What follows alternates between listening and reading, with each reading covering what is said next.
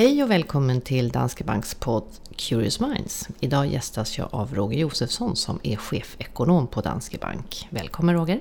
Hej Anna och tack så mycket! Ja, vi tänkte prata lite om Riksbanken som idag meddelade om att, eh, att de överväger att byta målvariabel för inflationsmålet. Man säger att man vill byta till KPIF från KPI som man alltså använder idag. Så Roger, kan du förklara lite mer i detalj vad det här innebär och framförallt vad är skillnaden mellan de här målvariablerna? Mm, jag kan i alla fall försöka. Mm. Man kan väl börja med KPI, då. det står ju för konsumentprisindex och det är en 250-300 av våra vanligaste produkter som vi köper. Ehm, eh, och I det där KPI-index så ingår också räntor. Och det skiljer sig från rätt många andra länder som inte har räntekostnader med dem. Men det har vi haft i Sverige. Och det här gör ju att om Riksbanken höjer räntan då stiger räntekostnaderna. Och då ökar ju KPI eller inflationen. Och så eh, blir det ju lite konstigt då för jag tror att Lars Heikensten, den gamla riksbankschefen, sa någonting. Det blir som att jaga sin egen svans. Och det har han ju helt rätt i. Så därför styr Riksbanken i praktiken efter något som heter KPIF. Och det är KPI med fasta räntor. Och då ser man, låter man de där kostnaderna för ränta vara helt stabila då när man beräknar inflationen. Eller räknar bort kan man säga räntorna. Mm. Och det här gör ju då att man får ett mer rent mått på liksom, eh, hur Riksbankens politik slår liksom, på vanliga priser och inte på, på räntan i första hand. Mm. Och det är det här som Riksbanken vill komma åt då, genom att säga att men vi ska nog vi slutar titta på KPI så tydligt och så väljer vi det KPIF istället. Då. Och det är ett bättre mått för dem eftersom det mer är liksom det som de faktiskt avser att, att påverka då i ekonomin. Men om det är ett bättre mått, mm. varför har man inte gjort det här tidigare? Eh, alltså jag tror inte man direkt insåg hur stora problem det skulle vara med KPI. Och, och, och det är framförallt de senaste åren man har sett att det har blivit problem. För KPI och KPF ska på lång sikt vara exakt likadana, lika höga. Men eftersom vi har en räntepolitik under de senaste åren som har varit väldigt aggressiv. Den har liksom gått från 4,75 ner till minus 0,50. Eh, då blir det väldigt stora och uthålliga skillnader mellan de här två måtten. Och då blir det väldigt svårt för Riksbanken att förklara för allmänheten hur, liksom, vad är det de styr efter och varför gör de som de gör helt enkelt. Mm. Så därför har de känt att nej, men nu får vi nog faktiskt byta mot det här KPIF istället som mer ligger i linje med vad vi vill, eh, vad vi vill kommunicera helt enkelt. Men, men, men kommer man ändra inflationsmålet i och med det här bytet? Nej, i, i praktiken så in, kommer inte det här innebära någon skillnad alls. För återigen, Riksbanken har redan styrt mot det här KPIF hela tiden. Det är oftast det de fokuserar på när de pratar om inflation och inflationsutvecklingen. Utan det här är nog ett sätt med att renodla sin kommunikation. Och där, så långt tycker jag att det är helt okej.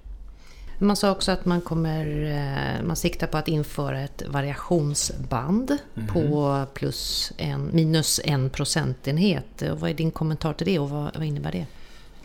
Ja, en av de diskussioner som har varit är ju att Riksbanken har haft lite svårt att nå sitt inflationsmål de senaste åren. Eh, och det Riksbanken vill göra är att försöka understryka att det är helt enkelt rätt svårt att bedriva penningpolitik och det är svårt att helt och hållet nå det här inflationsmålet. Eh, och då har man tyckt någonstans att det här kanske är ett sätt att beskriva hur svårt det är. Och det här skiljer sig mot det, det eh, toleransband eller toleransintervall som man hade för några år sedan. Då hade man någonting liknande och då var det mer en, ett sätt att försöka illustrera att liksom mm, inflationen var variabel eller slog från en månad till en annan. Men nu vill man ha det som ett sätt för att understryka att inflationen, eh, eller visa att inflationen svänger väldigt mycket och väldigt lång, går ganska långt ifrån inflationen ibland. Mm. och det som mm, mm, är lite märkligt kan man tycka med det här det är ju att de gör allt de kan i de här rapporterna och eh, Stefan Ingves tal idag, samma sak, understryker man att det här betyder verkligen ingenting för den förda penningpolitiken och så vidare. Men samtidigt så är det så att då får man, blir man ju lite fundersam över varför man inför det här bandet överhuvudtaget. För jag tror att de flesta som tittar på Riksbanken och analyserar Riksbanken vet att inflationen svänger väldigt kraftigt från månad till månad. Och Riksbanken har väldigt svårt att själva eh, uppfylla inflationsmålet. De behöver hjälp av internationell konjunktur och andra centralbanker och en massa saker. För det var en fråga, liksom, hur, eh, hur det här kommer påverka penningpolitiken och, och eventuellt framtida, då, eller framtida räntebeslut. Mm. Ja, det är det, det, det, det som vi nu brottas med. Från, från mitt perspektiv så kommer inte det här påverka Riksbanken nämnvärt utan de kommer bedriva penningpolitiken precis som de har gjort tidigare. Det som gör att jag är, jag vill inte säga skarpt kritisk för det jag inte men det är bara att jag förstår inte riktigt varför man inför det här bandet för det kommer bara göra det krångligare för dem att kommunicera och eftersom vi vet att det finns rätt många bedömare och tyckare där ute som gärna vill se att Riksbanken har en högre ränta för det går ju så bra i svensk ekonomi är ju grundtesen. Mm. Problemet är dock att de har inte ett BNP-mål eller någonting utan de har ett inflationsmål.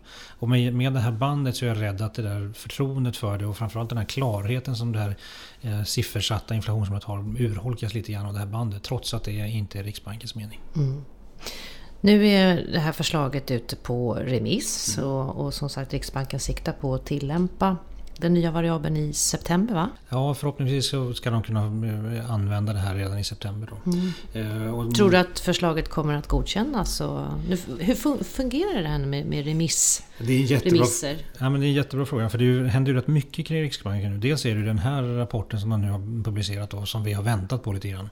Men sen är det så att det pågår också en parlamentarisk utredning kring Riksbanken och Riksbankens mål som Mats Dillén leder. Och den ska, eh, eller var tänkt att den skulle komma fram med några slutsatser här i sommar också. Nu har man skjutit upp det där lite grann. Eh, och vi får se när det kommer. Men den har ju ett mycket bredare mandat. För den handlar ju i princip om ska, hur ska Riksbanken se ut? Vad ska de eh, ha för målsättning och så vidare. Så den har ju ett väldigt mycket bredare mandat och vad den hamnar i det får vi se. Det här, den här utredningen som släpptes idag av Riksbanken är lite grann ett svar på den kritiken som har riktats mot Riksbanken. Ehm, men, men eh, när det gäller inflationsmålets liksom vara eller inte vara så är det faktiskt Riksbanken själva som bestämmer. Mm. För i statuten så står det nämligen att Riksbanken ansvarar för prisstabilitet. Och de har själva definierat det som KPI-inflationen och att den ska vara 2%. Och det står helt och hållet i deras egen makt nu att sätta att det ska vara KPIF-inflation.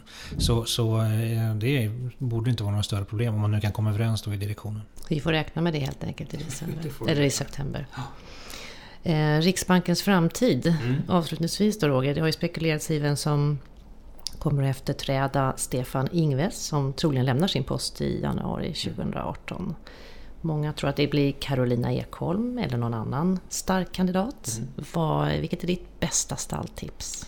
Oj, eh, jag, har, jag har alltid hamnat så totalfel på alla de här gångerna när vi ska byta centralbankschefer så jag vågar inte göra mig på det heller. Men Carolina som ju har förekommit i debatten är jätteduktig och bra på många sätt så det hade varit ett alldeles ypperligt val. Och sen är det väl dags för en kvinna på posten också. Mm. Ehm, men sen finns det många andra också. Ehm, en av mina favoriter är Jens Henriksson på Folksam som ju både har liksom det här politiska engagemanget och jag tycker är en rolig, en rolig att lyssna på. Så det finns massor med förslag som jag tycker är roliga och Carolina och Jens är två av de bästa tycker jag. Mm. Vi får se. Den som lever får se. Den som lever får se, precis. Exakt, både med målvariabeln och nästa riksbankschef. Precis. Tack för idag Roger. Tack själv Anna.